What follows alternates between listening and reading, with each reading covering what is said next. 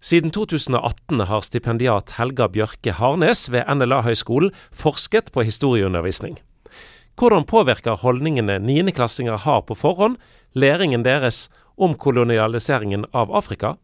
Og hvordan påvirker undervisningen i sin tur måten de tenker på om f.eks. rasisme i nåtiden? Under forskningsdagene i Bergen nylig skulle tre års forskning kokes ned til en fire minutters presentasjon i en uhøytidelig konkurranse i forskningsformidling. Ja, det var veldig krevende. Jeg måtte file og file og stramme inn. Har fått veldig god hjelp av eh, veiledere i, eh, altså fra forskningsdagene sin side. Bytte ut eh, akademiske ord med enklere ord. Eh, så blir det jo lyden tatt etter fire minutter på Forsker Grand Prix. Så det du ikke får sagt på fire minutter, får du ikke sagt. Eh, så jeg har virkelig spissa og spissa og pugga og pugga. Men er det krevende? Vi, vi er jo vant til at, at, fagfolk de vil gjerne ha med alle hvis og om ja. og attemenn og osv. Og, og vil veldig gjerne at det skal være helt presise ord osv. Ja, det har vært uh, krevende både at det skal være så kort og, og presist, men òg å gi slipp på de hvis og om og men og på ene sida og andre sida, og, og, jeg tar et forbehold. Og det har vært vanskelig å gi slipp på. Um, og, og godta på en måte at her er vi inne i en litt annen sjanger. Men eh, jeg vet jo samtidig at du, du syns dette her var, var, gøy. Hvordan var din mm. opplevelse av å skulle fortelle veldig kort hva du har jobbet med? Mm. Eh, det var veldig gøy på forkant. Eh, traff masse kjekke folk. Eh, var, vi var jo ti kandidater som var samla litt usikker på om det var fem eller seks dager. Men eh, du ble jo kjent med veldig oppmuntrende og hyggelige og gøye folk. Um, og så fikk jeg hjelp til å se hva er det egentlig jeg har drevet med disse tre åra, for plutselig måtte jeg spisse det så voldsomt. Så det er jeg veldig takknemlig for. Eh, og så var det eh, særlig å ha presentasjon to på selve dagen. Det var kjekt. Jeg opplevde at jeg hadde en kontakt med publikum, og da er jo formidling veldig kjekt. Ja. ja, for det var fire minutter først, og så eh, de som da ble plukket ut videre, de gikk videre. Og så gikk du altså av med, med seieren. Yes. Det ble blomster og utmerkelse. Mm. Mm. Pokaler. Eh, ja, det òg, ja. ja. Nå har jeg største pokalen i huset, selv om jeg har fotballbarn.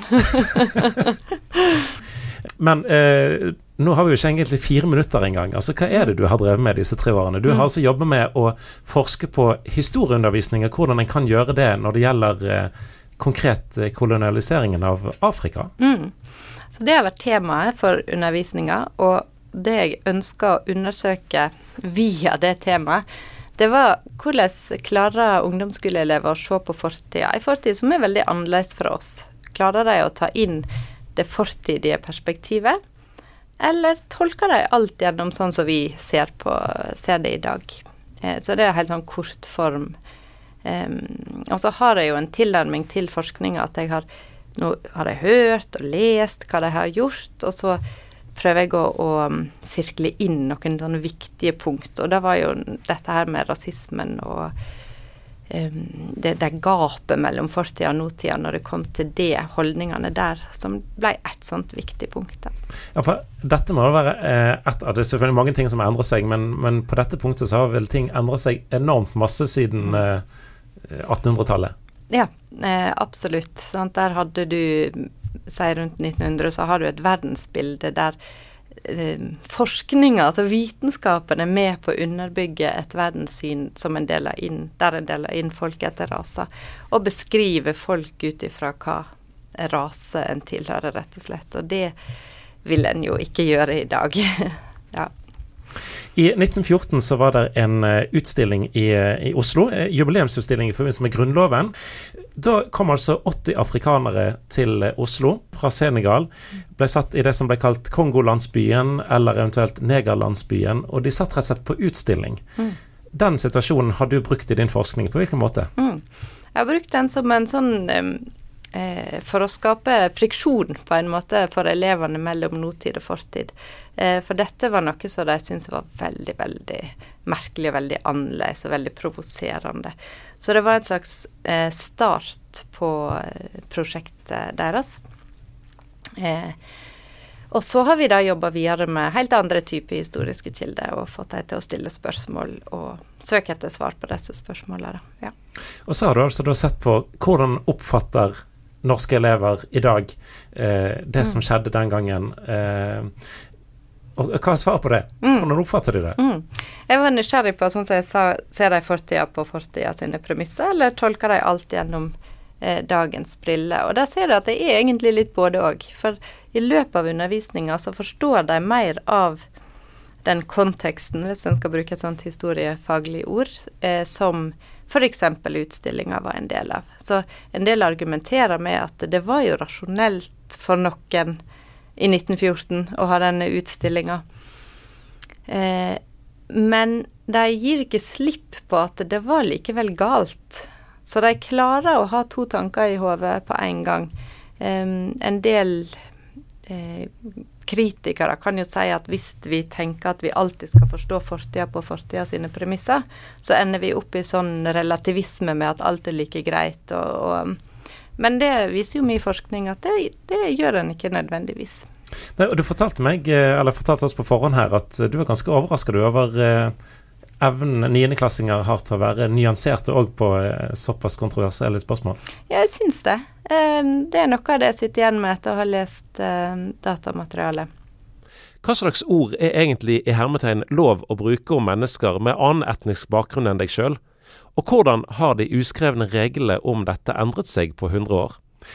Under grunnlovsjubileet i 1914 ble altså 80 afrikanere hentet til Oslo for rett og slett å være utstillingsobjekter i det man den gang kalte Negerlandsbyen. I forskningsprosjektet sitt måtte Helga Bjørke Harnes og lærerne hun samarbeidet med, bl.a. bestemme seg for hva slags ord de skulle bruke når de skulle fortelle denne historien. Ja, du sa jo det at denne utstillinga eh, jo, eller ble jo kalt den gangen Negerlandsby. Eh, og det er jo et sånn type ord som eh, vekker sterke reaksjoner blant elevene. Og særlig at vi som lærere introduserer det. Altså det blir jo brukt som skjellsord, og plutselig så kommer det i en undervisningssetting. Så det ja, det skapte reaksjoner. Mm. Og det var jo noe dere hadde tenkt gjennom i forkant. altså Hva slags ord kan vi bruke her? Ja. Hva var på en måte problemstillingene dere måtte bestemme dere for hvordan dere håndterte? Mm, vi diskuterte skal vi bruke disse gamle ordene? Eh, det kan jo òg være I kildene som vi brukte, så var det jo f.eks. villmann. Altså, kan vi ha disse i kildene? Eh, kan vi med det åpne opp for rasistisk språk? Det ønsker vi jo ikke i skolen. Eh, eller skal vi bruke ord som er mer akseptert i dag? Problemet med det er jo at du faktisk kan skyggelegge de rasistiske strukturene som fantes i kolonitida. Så det, det, var en sånn avveiing vi måtte gjøre. Men det var som en lærer sa det, at vi kan ikke sensurere historier. Eh, vi må på en måte ta med disse her vanskelige orda.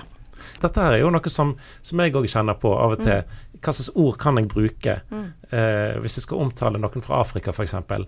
Kan jeg kalle de svarte, eller står jeg i fare for da å såre noen f.eks.? Mm.